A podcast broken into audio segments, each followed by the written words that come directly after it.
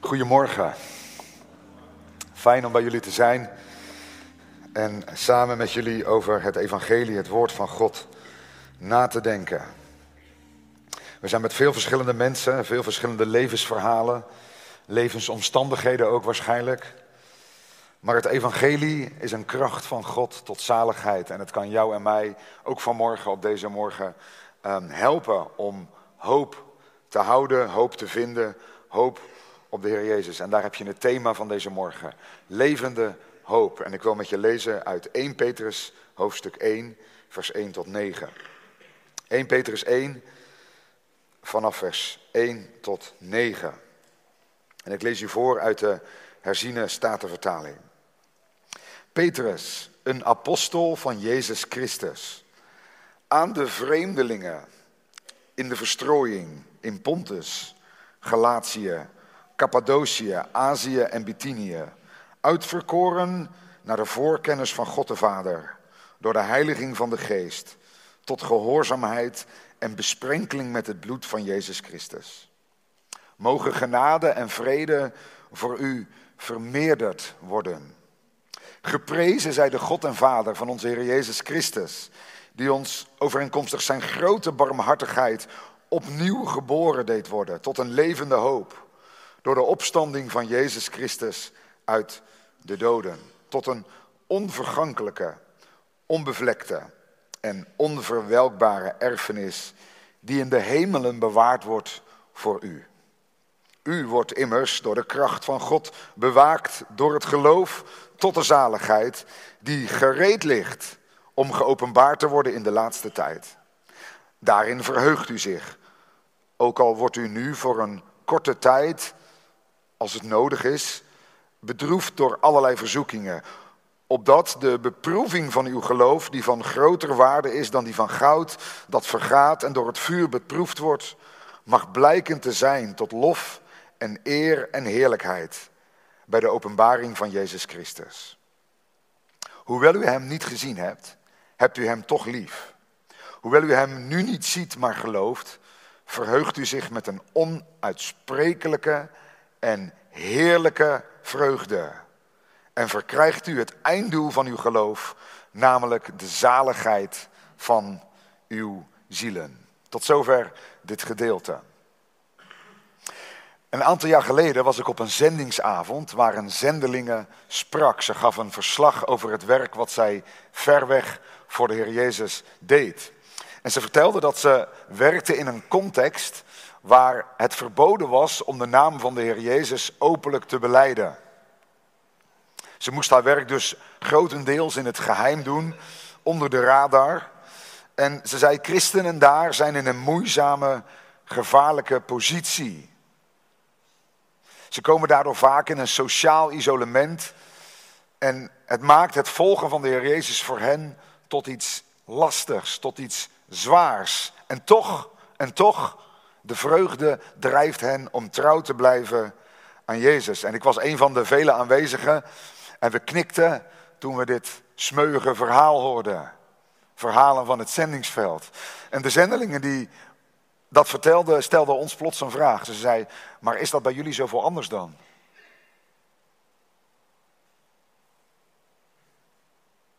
Krijgen jullie applaus als je Jezus volgt?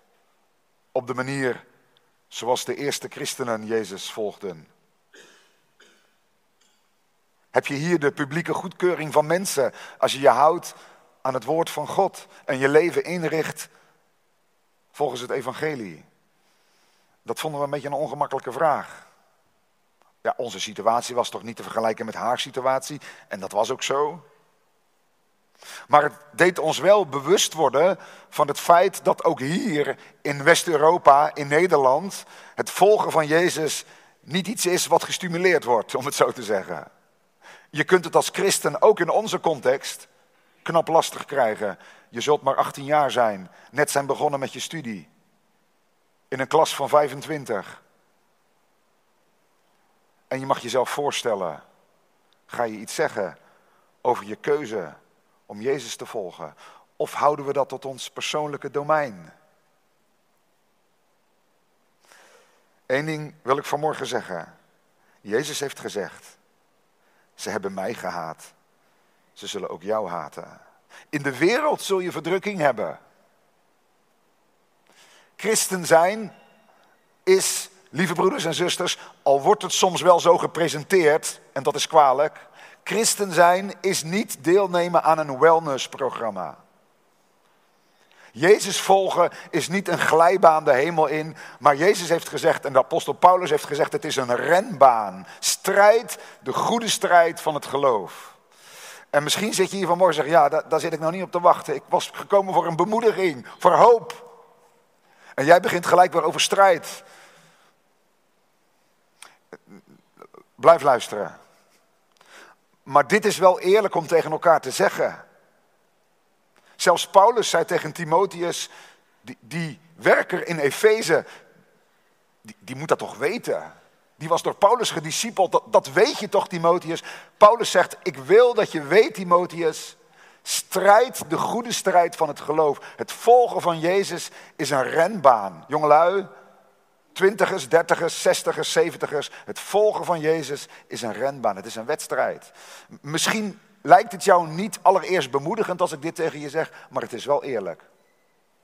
Toch? Het is wel eerlijk. En de christenen aan wie Peter schrijft, hebben daarmee te maken. Ze zijn tot geloof gekomen, voornamelijk Joden, maar ook heidenen. En ze hebben te maken gekregen met tegenstand. Ook zij leefden in een maatschappij waarin ze voor pittige kwesties kwamen te staan. En dat is bij ons ook zo. Als je je bedrijf eerlijk wilt runnen, het eerlijk wil doen, als je werkzaam bent in de zorg en je krijgt te maken met ethische dilemma's, levensbeëindiging, abortus. Als je kinderen op school zitten en je leest soms eens mee in de boeken, wat, wat horen ze? Ook in Nederland is het volgen van Jezus niet iets wat op de voorpagina's van de kranten wordt aangemoedigd. En als je in die strijd komt, die strijd van buiten, maar ook soms die strijd van binnen in je hart, dan kan je je hoop verliezen. Dan zijn er soms van die dieptepunten dat je denkt, is me het dit waard? Wil ik dit? Hopeloosheid. We zitten hier met z'n allen in een volgepakte zaal en we zien er vanmorgen keurig uit. We zingen prachtige liederen, dank daarvoor geweldig. Maar toch kan het soms zijn dat je van binnen een strijd voert. En je zegt vanmorgen gaat het over hoop, maar ik ervaar soms in mijn leven ook hopeloosheid. En de cijfers bewijzen het, hè? Onder christenen en niet-christenen. We leven in een burn-out cultuur. Veel mensen worstelen om hun prioriteiten goed te houden en alle ballen in de lucht te houden. Meer dan 1 miljoen Nederlanders slikt antidepressiva.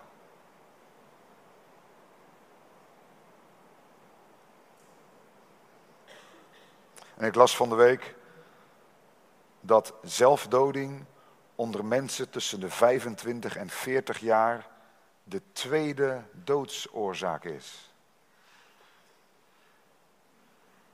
Nee, we zijn nog niet in het vrederijk. We zijn nog niet op de nieuwe hemel en de nieuwe aarde. We verkeren nog in een strijd. En Petrus, let op, Petrus weet dat van zijn lezers. Hij zegt in vers 1, jullie zijn vreemdelingen. Nou, dat is een eretitel. Als je een vreemde bent hier op aarde, dat is een eretitel. Je bent een vreemdeling. Ook nog eens, vers 1, in de verstrooiing, in de diaspora. Jullie zijn verstrooid en hij noemt een aantal plaatsen, gebieden waar ze heen gegaan moesten zijn. Pontus, Galatië, Cappadoce, Azië en Bithynië. Met andere woorden, jullie zijn uitgewaaierd en dat was niet van luxe. Vanwege de naam van Jezus. In de verstrooiing, je zou kunnen zeggen in de war. Overhoop. Ik weet niet of jij het een eretitel vindt, als je een vreemdeling heet. Ik weet niet of je dat op je social media zet als status, vreemdeling. Nou, Petrus zegt dat. Jullie zijn inderdaad niet in tel.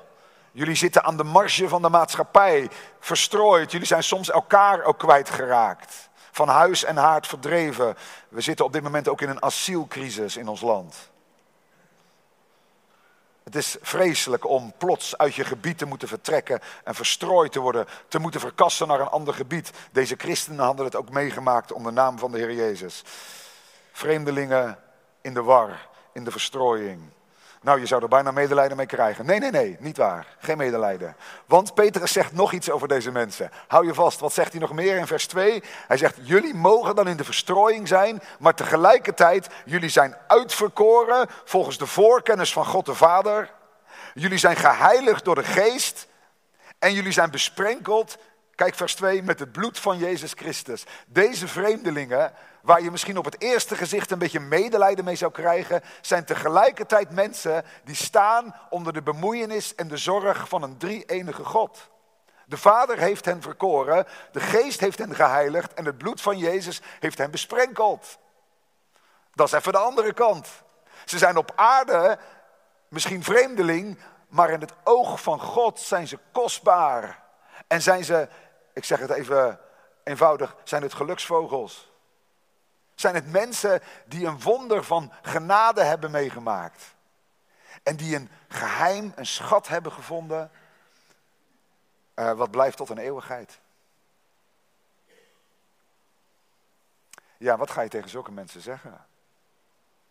Wat zeg je tegen mensen, ook vanmorgen, die worstelen met het leven, die worstelen met doelloosheid, Misschien met burn-out. Misschien met spanningen in je huwelijk. Misschien met opvoedingszorgen. Misschien wel met financiële zorgen. Met je gezondheid. Met een verslaving.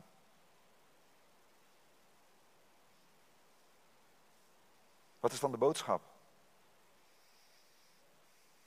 Weet je hoe Petrus begint?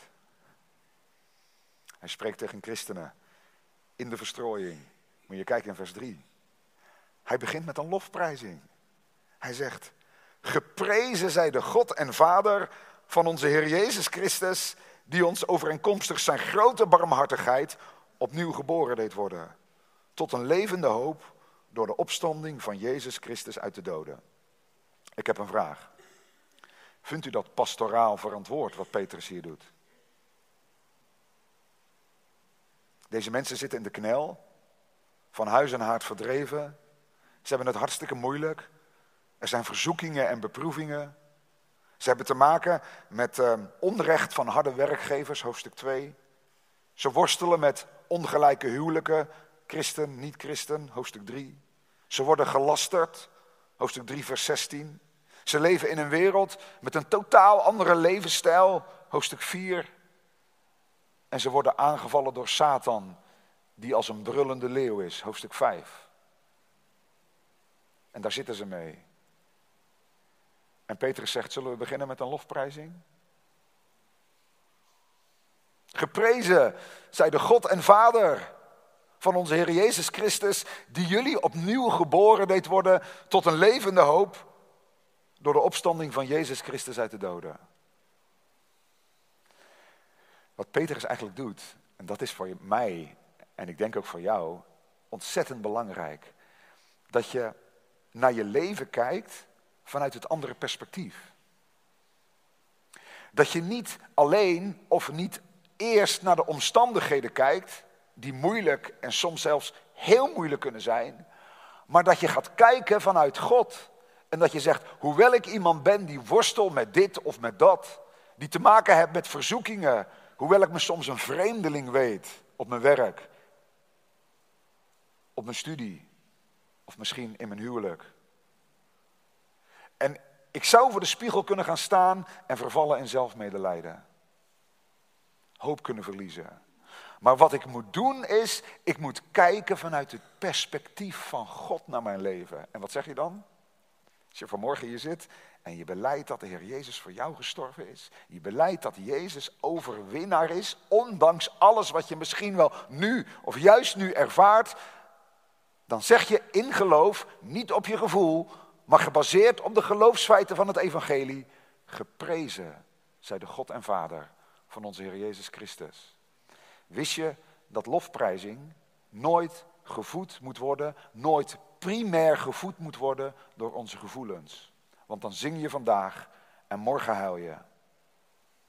De schrift leert ons dat lofprijzing gebaseerd moet zijn op wie God is en wat Hij in Jezus heeft gedaan. En soms moet je dan juist in het dal, ik zal zijn lof zelfs in de nacht zingen, omdat ik Hem verwacht. Dat vind ik aanbidding. Dat is een mooie vorm van aanbidding. Dat je in de,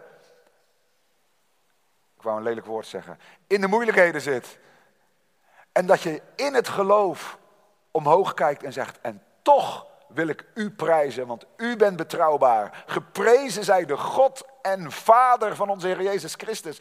Ik kijk naar beneden en ik ervaar lijden, ik ervaar strijd en ik ben soms moe van die renbaan. Maar wat doe ik? In geloof zeg ik, God en Vader van onze Heer Jezus Christus, u wil ik prijzen. En ik wil je vragen, heb je die geloofsoefening jezelf eigen gemaakt?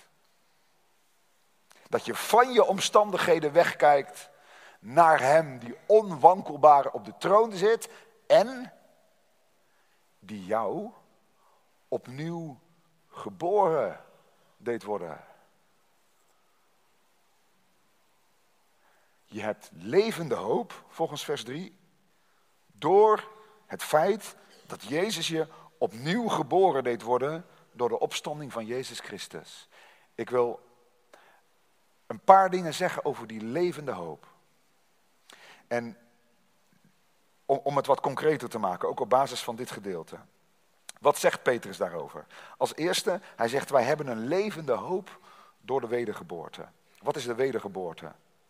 Als je bent opgevoed in de kerk heb je dat begrip wellicht vaak gehoord. Maar het woord zegt het natuurlijk letterlijk, het is de nieuwe geboorte. Zoals je ooit lichamelijk geboren bent, zo is er door de genade van God een moment gekomen dat jij, toen je de Heer Jezus aanvaarde als je redder,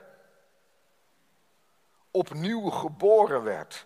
Er heeft dus, we moeten niet te snel zeggen dat dit maar een beeld is. De Bijbel spreekt hier heel vaak over. Er heeft dus in jou, broeder, zuster, een geboorte plaatsgevonden.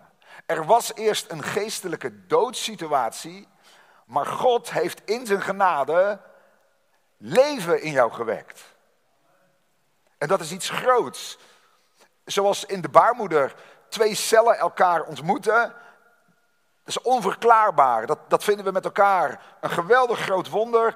Zo heeft er, toen jij je blik richtte op Jezus, toen je 12 was of toen je 72 was, maar ergens in je leven, toen je je blik richtte op Jezus en Hem omhelsde, toen ontmoette Gods geest jouw geest. En er kwam leven.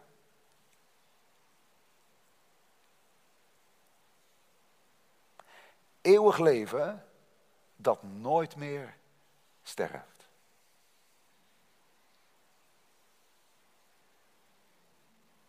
Heb je daar wel eens tien minuutjes over nagedacht? Ik vind het toch pastoraal verantwoord wat Petrus doet. Geprezen zij de God en Vader dat jullie opnieuw geboren zijn. Wat in de natuur natuurlijk nooit kan, vraagt Nicodemus maar wat in de geestelijke wereld een werkelijkheid is. Uh, en Peter zegt, ik wil ook dat jullie weten, uh, en natuurlijk wisten ze dit al, hè? Petrus heeft ongetwijfeld met de christenen over deze dingen gesproken. Dit is bazaal kernonderwijs in de gemeente. En toch herhaalt hij het, om ze te bemoedigen. Hij zegt, dat heeft God gedaan, kijk vers 3, overeenkomstig zijn grote barmhartigheid.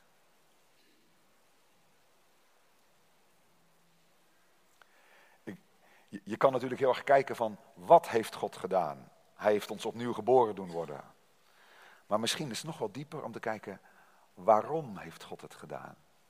Wat dreef God om jou en mij als een verloren zondaar, iemand die niet naar God vroeg, schat jezelf niet te hoog in, om jou op te zoeken, jou persoonlijk. Kijk eens in je straat. Hoeveel mensen kennen daar de Heer Jezus? Of op je werk. Ga eens het kringetje af. Hoeveel mensen kennen daar De Heer Jezus in een levende relatie. Hij heeft jou opgezocht. Waarom? Volgens zijn barmhartigheid.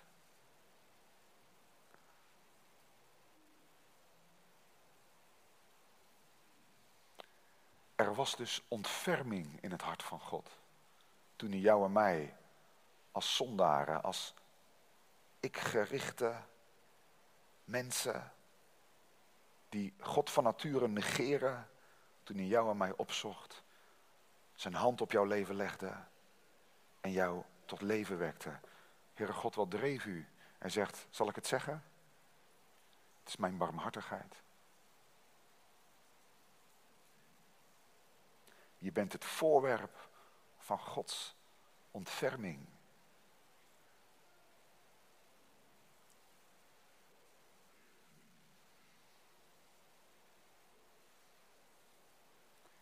En dat heeft alles te maken met de opstanding van Jezus Christus uit de doden. Hoe zit dat dan? Nou, we kennen het verhaal. Petrus zegt er hier niet zoveel over. Jezus werd mens. God werd mens. Stierf die vervloekte dood aan het kruis. Maar het kruis was eigenlijk ineffectief. Jezus dood bleef inactief als hij niet zou zijn opgestaan. Hij stond op en daardoor werd de zegen van zijn verdiensten beschikbaar voor ieder die gelooft. Je zou kunnen zeggen, de wedergeboorte is dat Jezus met zijn opstandingskracht in je komt. En dat is gebeurd. En Petrus tikt die mensen in de strijd op hun schouder en hij zegt, daar zou ik jullie even aan willen herinneren. Je bent opnieuw geboren volgens Gods barmhartigheid door de opstanding van Jezus uit de doden. En wat kun je dan hebben? Levende hoop. Dat betekent een vast vooruitzicht. Een zeker weten dat wat God begonnen is, dat bewijst de wedergeboorte, dat dat nooit zal eindigen. We hebben levende hoop, hoewel mijn situatie hier en nu moeilijk is en soms zelfs heel ingewikkeld is. Er is hoop, want God begon een werk in mij, wat hij zal voltooien. Jij bent niet met God begonnen, met alle respect. Misschien heb je lang naar God gezocht. En misschien zeg je, ja, maar ik heb toch Jezus aangenomen. Heel goed. Maar de Bijbel zegt, jij bent niet met God begonnen, God is met jou begonnen. En dat is goed nieuws. Want Filippenzen 1 vers 6 zegt, wat God begint, dat zal hij ook voltooien. Tot op de dag van Jezus Christus. Bezorgde christen, gestreste christen, ga eens even zitten. Ga eens even zitten. En bedenk, God gaf in mij eeuwig leven en hij maakt het af. Ik ben het voorwerp van zijn barmhartigheid. Dat is het eerste. Tweede waar Petrus zegt, hij zegt, ik wil ook dat jullie weten dat jullie erfgenamen zijn. Vers 4. Jullie zijn opnieuw geboren tot een onvergankelijke, onbevlekte en onverwelkbare erfenis. Drie keer O. Onvergankelijk, onbevlekt en onverwelkbare erfenis. Wat je nu hebt, dat je opnieuw geboren bent, is niet alles. Petrus zegt, er ligt ook een erfenis gereed. Vers 4b, die in de hemelen bewaard wordt voor u. Wat je ontvangen hebt is nog niet alles. Sterker nog, als je de Bijbel in zijn geheel leest, denk ik dat je kan stellen dat de meeste zegeningen van Jezus' opstanding nog niet zijn uitgekeerd. Jazeker, je mag je nu schatrijk weten. Je mag nu zeggen, geprezen zij de God en Vader. Maar er gaat een moment komen. Als Jezus terugkomt. En de andere zegeningen worden uitgekeerd aan Israël, aan de gemeente. Als Gods plan zich verder gaat ontwikkelen. Dan zullen we waarschijnlijk terugkijken en zeggen, de helft was mij nog niet aangezegd. Peter zegt hier, er ligt een erfenis gereed. En die is onvergankelijk. Dat betekent, ja, die blijft voor altijd. Die is onbevlekt, die is perfect en is onverwelkbaar. Die neemt niet af in kwaliteit. Een erfenis in de hemel. En uh, die is gereed. Er staat in vers 5b, die gereed ligt. En in vers 4 staat, die bewaard wordt. Dus Ik, ik houd het maar eenvoudig, even in Jip en Janneke taal. Die erfenis is een schat, ik, ik zeg het zo nog concreter, die is die drie O's, die heb ik net uitgelegd. En die erfenis die is ook gereed, die is klaar. Die staat op het punt om geopenbaard te worden, zegt dit gedeelte. En die wordt in de hemel bewaard. Ik weet niet of je thuis een kluis hebt waar je je kostbare dingen bewaart. Maar ja, je, zeker ben je nooit, hè? Zeker ben je nooit. De roest en de mot, zegt Jezus Matthäus 6, die zijn gewiekst. Maar in de hemel. Dus, bezorgde christen, leidende christen, hoor je dat? Je bent niet alleen wedergeboren, er wacht ook nog een erfenis. Die staat op het punt om uitbetaald te worden. Ben je er wel eens een beetje mee bezig met die erfenis?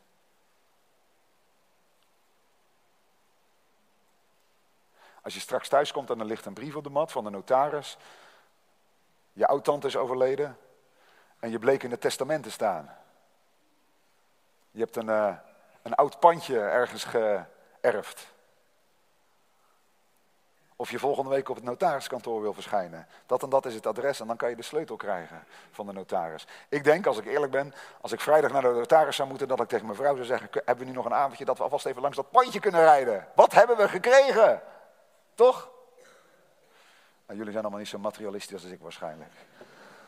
Ik zie een beetje van die meewarige blikken. Oké, sorry. Ik denk dat ik dat zou doen. Misschien zijn we soms wel drukker met onze aardse erfenis dan met onze hemelse erfenis. Petrus pakt je bij je schouders en zegt: Er ligt een erfenis op je te wachten.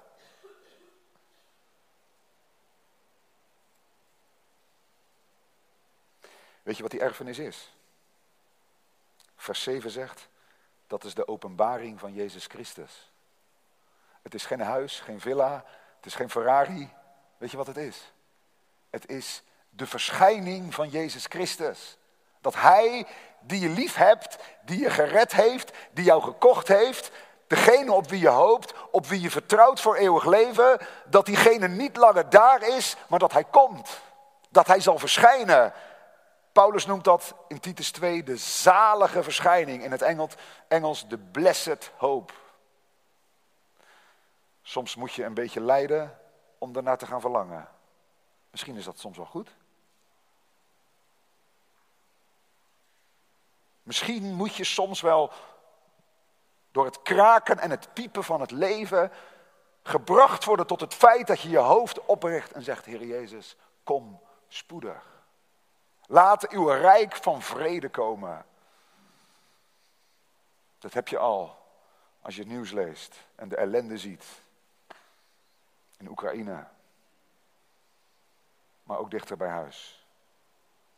Soms tussen de vier muren van je eigen woning. Heer Jezus, kom spoedig. Hij komt, zegt Petrus. Het is een erfenis die gaat uitbetaald worden.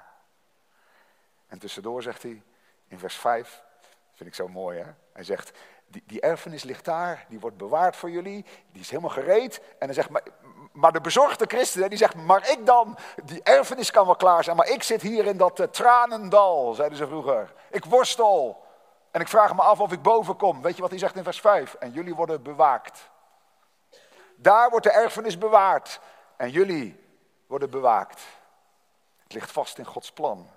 Door het geloof tot de zaligheid. Het is een militaire term, dat bewaken. God heeft jou militair bewaakt om straks die erfenis te gaan ontvangen in de laatste tijd. Dat betekent als God alle dingen gaat herstellen en hij komt tot het voltooien van zijn plan met Israël, met de gemeente en uiteindelijk met de hele kosmos. Dit gaat echt gebeuren. Of denk je dat het een sprookje is? Ik denk dat veel christenen dit beleiden, hier amen op zeggen, maar als je de krant leest of het NWS bekijkt, dat we doordenken, ja, wishful thinking. De Bijbel spreekt over daadwerkelijke dingen die gaan gebeuren. En dat is goed nieuws voor een christen. Dat moet je weten, dat mag je weten. Dankjewel Petrus dat je me eraan herinnert. Dat dat koninkrijk gaat komen. En Jezus zal regeren. En heel de wereld zal weten dat hij heerser is, dat hij de Messias is, iedere tong dat zal beleiden en dat ook de christenen die nu nog lijden, dan publiekelijk gerehabiliteerd zullen worden. In die zin dat zal blijken dat zij toen ze leden, hem beleden die nu regeert. Je kan hier zitten vanmorgen, ik ga naar een afsluiting en je zegt, ehm, ja ik vind, dat, ik vind dat mooi, dat die leidende christenen, die christenen die het echt moeilijk hebben, dat Petrus hen wijst op de wedergeboorte. En dat Petrus hen wijst op de erfenis in de toekomst, die er bijna aankomt. Ik vind dat mooi, maar ik heb toch nog wel een vraag.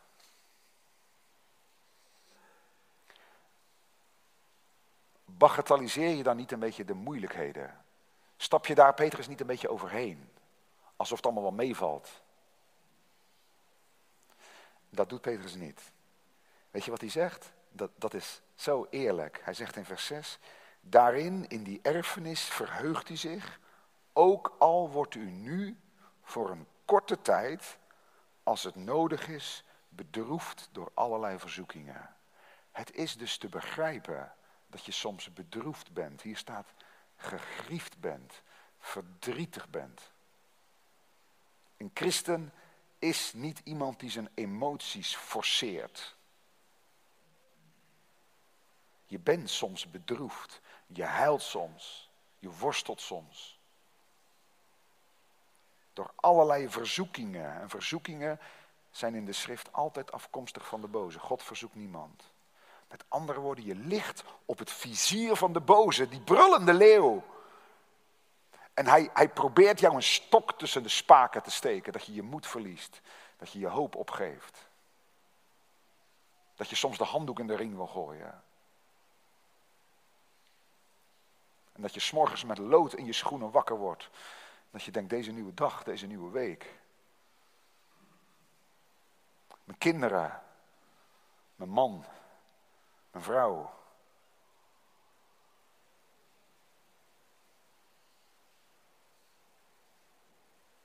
Dat klopt, zegt Petrus. Je wordt bedroefd door de verzoekingen. Maar, zegt hij, het is maar voor een korte tijd. Hoogstens 100 jaar. Het zijn zijn woorden. En hij zegt er ook nog bij, als het nodig is. En dat zinnetje, die paar woorden, als het nodig is, die, die triggeren mij. Ho, hoezo nodig? Wie vindt het nodig? Die verzoekingen in jouw leven. Wat denkt u? Ja, zeg je, Satan vindt dat nodig. Klopt, maar dat bedoelt Petrus niet. Hij bedoelt, God vindt het nodig. Dat betekent, God is soeverein. En hij kent jouw situatie en hij gebruikt het. Vers 7, daardoor wordt je geloof beproefd. Die verzoeking van de boze is tegelijkertijd in de hand van God een beproeving. Hoe het precies zit, het is een raadsel, maar God is almachtig. Satan is op een bepaalde manier zelfs de dienstknecht van God. Terwijl hij jou en mij plaagt, is hij een instrument in de hand van God. Wat? Om jou als goud te beproeven. Zodat je gelouterd wordt. Steeds schoner, steeds helderder. Zodat God, als hij in jouw leven kijkt, in dat gelouterde, beproefde goud, steeds meer iets van zijn eigen karakter gaat zien.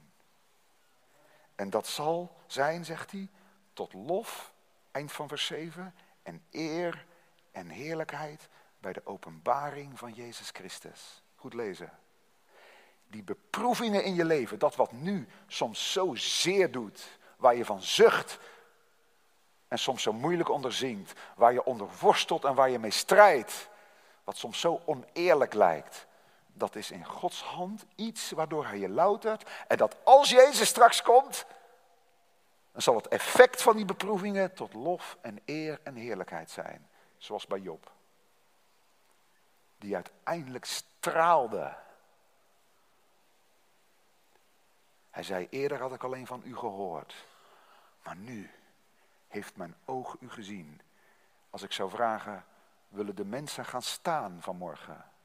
Die kunnen getuigen dat de moeilijkheden in het leven ertoe geleid hebben dat je meer van de Heer Jezus bent gaan zien en meer van God bent gaan houden en meer op Hem bent gaan lijken, dan denk ik dat er vanmorgen veel mensen gaan staan. Nu zucht je eronder. Je bent bedroefd. Maar straks zing je erover. Want het is tot lof en eer en heerlijkheid.